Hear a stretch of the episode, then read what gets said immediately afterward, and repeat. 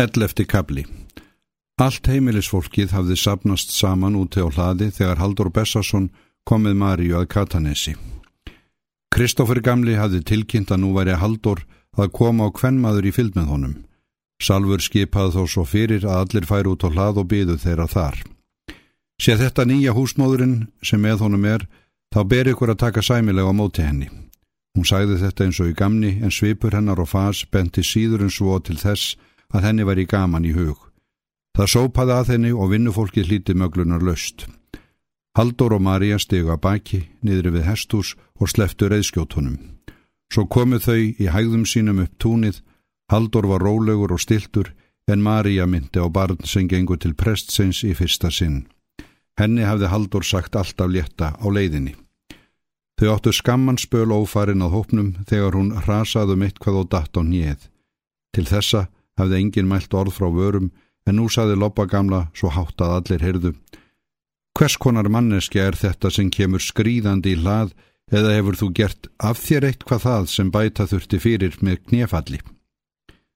Þegiðu, greip Salfur fram í fyrir henni. Hún tók kveðju haldós með einstakri rósemi. Engin mælti orð frá vörum. Marja litla horði niður fyrir sig, henni láfið gráti og hana setti dreir rauða. Haldur virtist dapur í bræði og var fölur yfirlitum. Salfur stóð þarna hæglátt og stolt eins og drottning. Hún var upp á búin eins og hún ætlaði í kirkju. Góða stund beigð hún átekta. Svo spurði hún alvarlega og svip. Er þetta nýja húsmóðurinn á Katanesi Haldur? Já. Hann var seitt til máls. Svona fór þetta Salfur. Nú fyrst hvesti hún sjónir á Marju sem varð enþá undirleitari þegar augu þessarar aðsópsmiklu og tígulígu konu kvíldu á henni.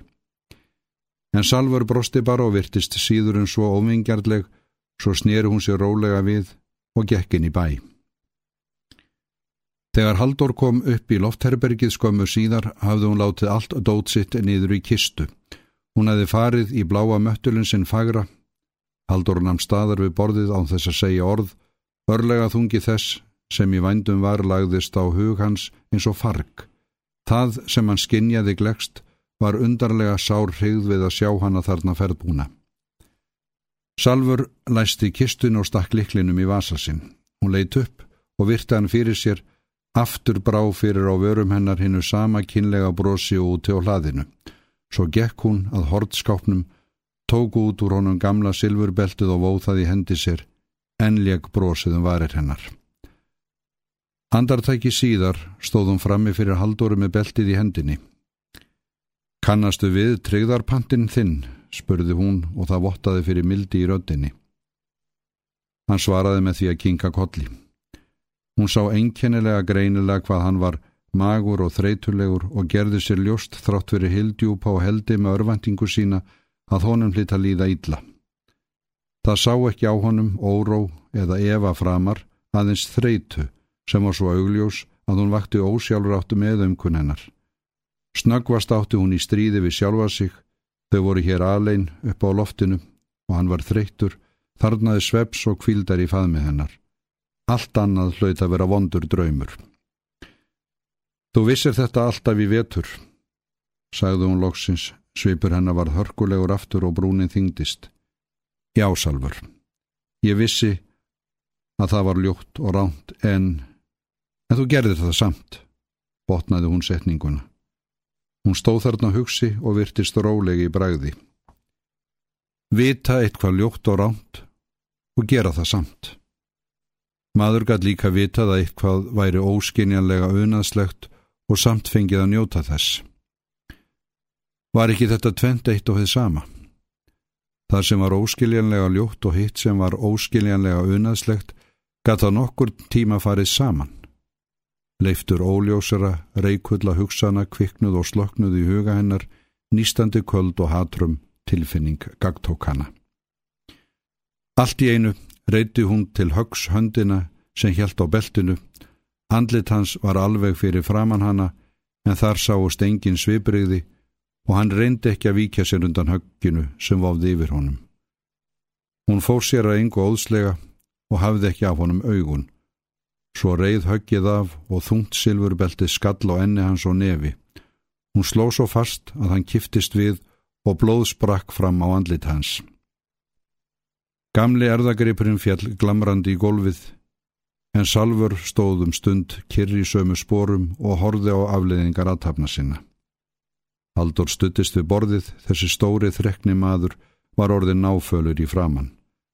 Aldrei hafði hún verið sannfærður um það en nú að hún elskaði hann en samt var henni það ólýsanleg nöytn að sjá honum svíða. Var það svona að fremja hið illa vitandi vits. Enkennilega dullrum og lamandi þránáði vald á henni, hún vildi sjá hann begðan í duftið, skrýðandi fyrir fótum hennar. Henni fannst hún gerbreytt á þessari stundu, tekt ekki sjálfa sig lengur. Nú var hún vist á valdi þess illa. Þetta sem brann í hug hennar var ekki neisti af logum helvítis, og sprottið úr stað hinn að fordæmdu.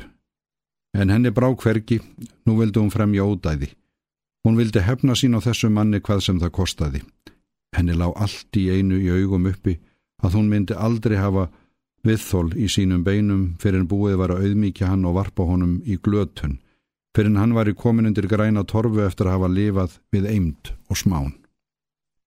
Svo snýrist hún á hæli og gekk brott. Niður í húsinu satt Marja einsins liðs, hún leit upp rauðeg og þrútin þegar salvurnam andartak staður og brosti, en brosi var þannig að hinni var skapi næsta róp á hjálp. Hún fól andlitið í höndum sér og leit ekki upp fyrir en salvur var á braud. Loppa gamla kom og eftir salvur út úr eldhúsinu og þær tókust í hendur. Þannig stóðu þær þegjandi stundarkorn en svo saði Loppa. Þú mátt ekki þjóta svon í burtu húsmáður góð. Eigum við kannski að þjóna þessu ræsni hérðan í frá? Getur þið ekki farið inn til hans aftur og beðið hann að láta hann að fara? Honum getur ekki verið þetta alvara. Nú rétti Salfur úr sér. Nei, lopa mín. Það skal aldrei verða mig sagt að ég lítil ekki mig fyrir einum eða neinum. Fínast klappaði hún gamleikonin á vangan og skundaði brott. Skömmu síðar kom Haldur út og sá hann að halda eins og leiðláinn í vógin, þá var þessu lokið. Hann stakk höndunum í vasana og gekk hægum skrefum í áttinu til hæðana vestan við bæin. Hann namn staðar upp á hæðinu sem næst var bænum og svipaði stum. Sólinn skein á lignan sæin, veðrið var hlýtt og gott, fugglar sungu inn á milli ásana og jörðin ángaði. En ekkert af þessu veitti honum gleði eða fró. Helst hefði hann kosið að nú væri vetur og stórrið, þá hefði hann kannski sefast. Hvað myndi framtíðin ber í skauti sínu? Gatað orði varanleg hamingja sem Golden var slíku verði. Þegar Salfur kom að dönsku veslunarhúsunum, gekk hún rakleitin á skrifstofuna til Samúlsen. Hún gekk hrein til verks. Jæja, nú er komið að því sem þú talaður um í vetur, sagði hún, og hér er ég. En þú skalt ekki halda að ég komi auðmjúk og byggjandi. Viljir þú fá mig, þá verður þú að taka við mér og gera þér það að góðu. En því verður þú að lofa mér umfram allt að spyrja mig einskis. Faktorinn var í sin á fætur. Það brá fyrir gleði bjarma í fárum þunglindislegum augum hans þegar hann gerði sér ljóst að henni væri þetta alvara og að hún var komin til að hans alkomin. Svo vottaði fyrir hrukk á enni hans. En hann? Spurði hann hikandi. Hún let sem hún heyrði þetta ekki. Kemur þú einn þín sliðs, Salfur? spurði hann rétt á eftir lámæltur og stiltur í bragði.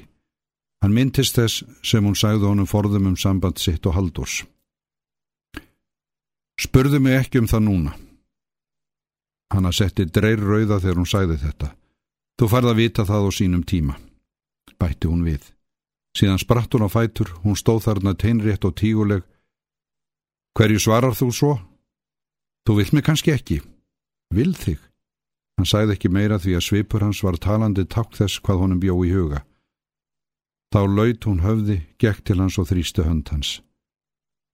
Ekki er nú mikið bóðið, sagði hún rólega, en ég skal reyna að verða þér góð kona þrátt fyrir allt. Lengi vel myndist hún ekki á það hvers vegna hún hafði komið til hans svona allt í einu. Og Samúlsson Faktor laut ekki svo látt að spyrja aðra. Hann fór á fund prestsins þetta sama kvöld og næsta sunnundag var líst með þeim salfur í fyrsta sinn. Viku síðar var ennfremur líst í fyrsta sinn með Haldóri Bessarsinni og Maríu frá hrauni.